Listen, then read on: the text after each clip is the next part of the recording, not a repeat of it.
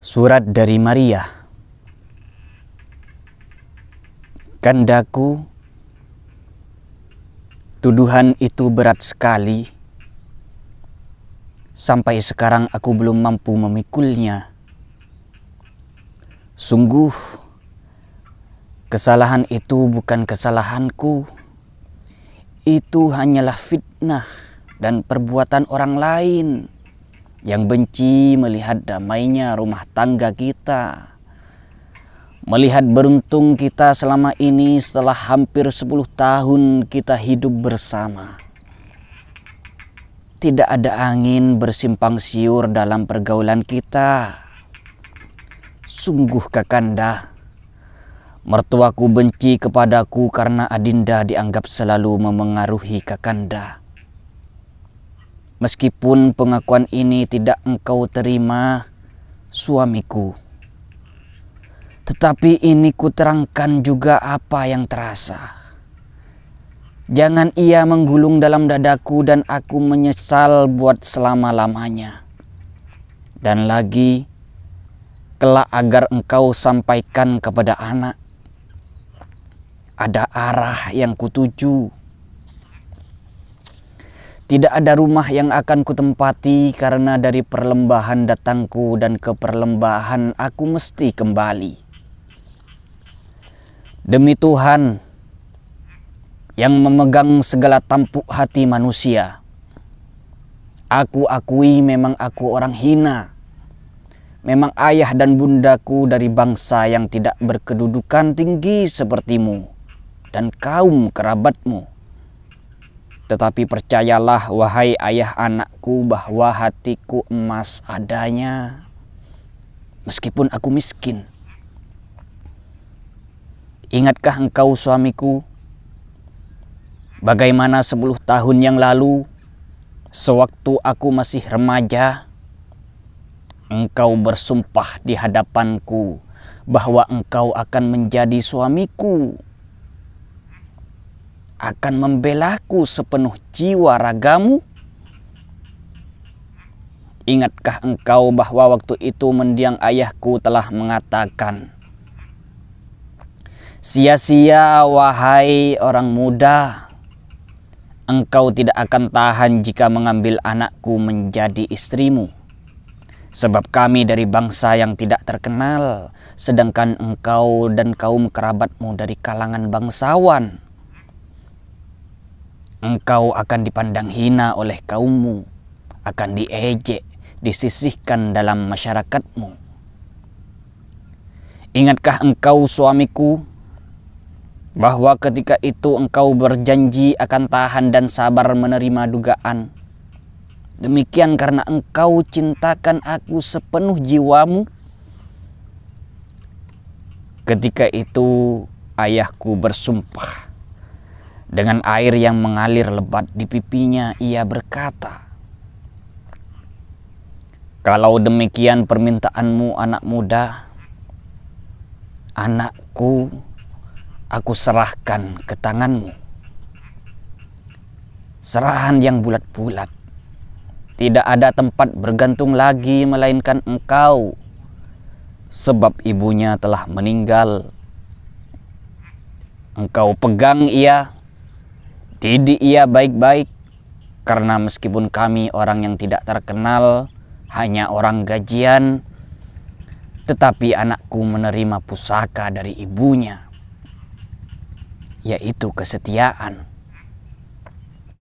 Kalau ia engkau sia-siakan hai orang muda, engkau sia-siakan ia lantaran engkau tidak sabar dengan dugaan dan fitnah, atau gelombang kesusahan hidup, maka kalau aku hidup pada waktu itu, engkau akan kuhinakan. Kupandang seperti makhluk yang tidak berharga. Bangsawan nama dan rendah darah. Dan jika aku mati, dari celah kuburku kukirimkan sumpah. Biar dibawa oleh angin yang deras mengenai puncak puding pusaraku. Supaya engkau ditimpa sengsara hati yang tidak putus-putus. Demikian sumpah ayahku ketika permintaanmu itu diterimanya. dan engkau pun sanggup pula. Cobalah engkau perhatikan kembali. Sekarang agaknya hatimu sedang tenang. Cobalah ingat, sepuluh tahun kita bersama, adakah perangaiku yang tidak engkau suka? Pernahkah aku melakukan sesuatu yang buruk dan salah? Hampir setiap bulan keluargamu datang dari kampung Macam-macam saja percakapan yang dibawanya, menyindir aku, menghina aku, mengatakan aku anak yang tak tentu asal.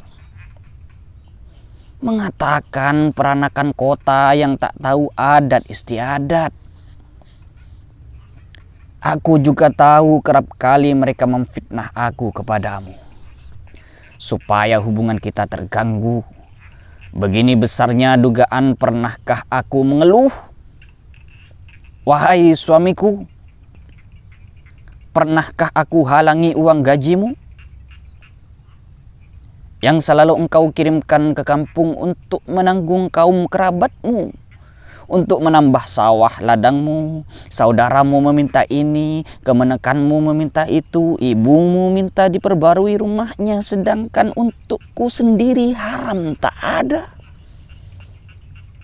Tidak ku halangi semuanya karena aku sadar bahwa aku ini hanya seperti langau di ekor kerbau. Bagai debu di atas tunggul seperti engkau katakan pada malam engkau mengusir aku itu. Aku ingat benar ketika ibumu mengatakan pada suatu hari, awas Maria, awas. Sekarang setelah berbulan-bulan hal itu berlalu, aku heran apakah yang akan kuawaskan? Kesalahanku tak ada. Tiba-tiba ketika engkau tidak ada di rumah dari pintu belakang si Hamzah masuk. Anakku sedang enak tidur. Ketika aku masih tercengang-cengang melihat perangai si Hamzah. Sebelum mulutku sempat mengusirnya engkau masuk bersama ibumu dan adikmu si Basir yang memang benci padaku. Sebelum sempat aku berkata-kata, engkau usir aku pergi. Engkau beri aku malu yang sebesar-besarnya. Sebelum engkau periksa apa kesalahanku, oh suamiku. Agaknya besar sekali akibatnya tuduhan itu, tetapi bagiku tidaklah besar karena aku memang seorang yang tidak terkenal. Seorang hina yang akan pulang kehinaannya. Tetapi buat anakmu, buat anakmu suamiku, aku ingat kembali malam itu.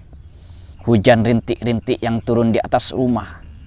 Di bawah udara bulan November yang amat sejuk, aku berjalan seorang diri tak tentu arah di hadapan rumahmu aku terdengar tangisan anakku memanggil-manggil ibunya. Aku pada mulanya hendak kembali sekurang-kurangnya untuk menciumnya dalam tidur. Tetapi engkau usirku sekali lagi. Engkau maki aku dengan perkataan-perkataan yang berat-berat. Sungguh suamiku, engkau kejam sekali kejam kepada diriku, tetapi lebih kejam kepada anak kita yang selama ini kita harap-harapkan menjadi seorang anak yang berguna bagi masyarakat zaman yang akan datang. Berpucuk-pucuk suratku kukirimkan meminta maaf dan ampun, meminta agar engkau menerimaku kembali dalam rumahmu untuk mengasuh anak kita atau engkau izinkan ia ku bawa ke mana ku pergi dan kurelakan pula jika engkau pergi beristri yang lain. Tetapi haram suratku engkau balas. Bahkan ada yang engkau kirimkan kembali padaku. Sekarang mengertilah aku bahwa memang berhubungan kita telah putus. Putus buat selama-lamanya. Tidak ada harapan untuk bersambung lagi Hampir setengah tahun aku menumpang di pakcikku di kota Medan, menunggu-nunggu balasan dan ampunanmu. Sekarang, setelah nyata bahwa engkau tidak akan memaafkan aku, barulah kubukakan kejadian yang sebenarnya. Supaya engkau mengerti, aku tidak minta supaya engkau percaya saja, tidak pula menutup kesalahan dengan dusta. Sungguh suamiku, Demikianlah yang sebenar-benarnya yang terjadi. Si Hamzah masuk ke kamarku dengan tiba-tiba sebelum aku sempat berkata sepatah jua. Engkau telah masuk ke rumah, setelah itu engkau mengusirku. Setelah itu kubukakan di hadapan matamu. Apakah aku akan meminta pulang ke rumahmu kembali? Percaya atau tidak percaya, aku tidak peduli lagi. Aku pun tidak berniat lagi hendak pulang ke rumahmu. Biarkanlah anak itu dalam asuhan ayahnya sampai ia berjaya. Cuma permintaanku, sudilah engkau merahasiakan hal ini selamanya kepadanya, supaya harapannya pada zaman yang akan datang tidak terganggu. Aku tidak minta supaya engkau mencariku lagi Beratus perempuan baik-baik perempuan dari keturunan bangsawan ada yang sanggup menggantikan kedudukanku dalam rumahmu. Aku tahu terlalu besar pengorbananmu dalam keluarga lantaran memperistrikan aku.